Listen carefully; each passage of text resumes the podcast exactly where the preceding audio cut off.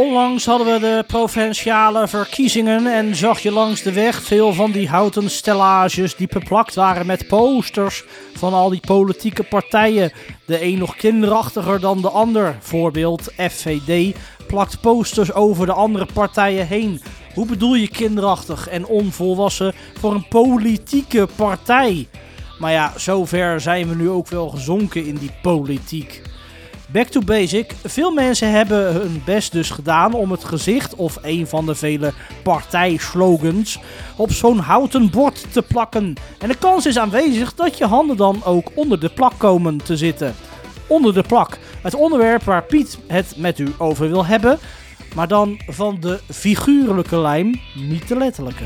De uitspraak, de uitspraak van Piet. Onder de plak leven, hoe gaat dat en wat is het nut hiervan? Vroeger in Nederland, ongeveer een eeuw geleden, leefden veel mensen onder de plak. Als kind en ook als vrouw met die kinderen wist je niet beter dan dat je hetzelfde deed en vaak ook moest doen van de vader in dit gezin.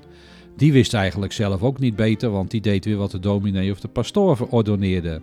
De staat was er voor de organisatie. Door toenemende welvaart en meer vrijheden ontstonden er meer mogelijkheden, zoals langer doorleren en meer kansen voor ook vrouwen in de maatschappij. Als dat financieel ook redelijk ondersteund werd, ontstond er zo een rijkere en meer gelukkige samenleving.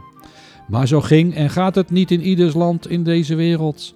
Dat is vooral te wijten en zeker niet te danken aan de leiders en meestal dictators in deze wereld. Genoeg voorbeelden uit het verleden, maar nu heden ten dagen kun je je niet voorstellen hoe onderdrukking en leven volgens niet door jou gewilde regels gaat in die heel andere geleide landen. Ik las een term die ik nog niet kende aangaande de onderdrukking. Wel begreep ik wat de onderdrukker ermee wilde. Die term is filtratie. Die filtratie voeren de Russen uit in het veroverde Mariupol. Ze beginnen meteen met rigoureuze maatregelen om de Russificering er snel doorheen te jassen. Dus je kunt zomaar op straat worden aangehouden en daar moet je je dan uitkleden, jassen, tot op het ondergoed. Waarom? Omdat de soldaten mensen controleren op Oekraïense tattoos. Verder wordt je telefoon gecontroleerd op foute inhoud. En als je dan door die keuringen heen komt, krijg je nog een pasje waarmee je mag winkelen en naar een school mag gaan. Anders verdwijn je in een gevangenis of wat daardoor voor, doorgaat. Dan ben je gefilterd en een vijand van de Russische staat. Probeert u zich eens voor te stellen dat dit in ons land zo zou gaan. Bijvoorbeeld als de Duitsers ons nog langer hadden kunnen inlijven na 45. Het verzet blijft. Gelukkig maar. Mensen filmen de verwoeste huizen voor gevluchte inwoners. En als bewijs, want de Russen zijn daar bezig met het pijlsnel neerhalen van die verwoeste gebouwen.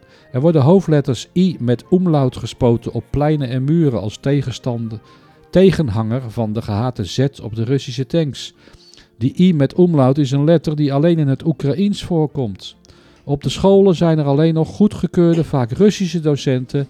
En daar wordt gehamerd op het feit dat Oekraïne een slechte staat was en is. En dat de kinderen blij moeten zijn dat ze nu in Rusland wonen. Ze wonen verdorie nog steeds op dezelfde plek. Wij hopen dat heel Oekraïne weer als soevereine staat kan gaan functioneren. Maar dat zal net als in de aardbevingsgebieden in Turkije en Syrië wel bijna een generatie of meer gaan duren, helaas.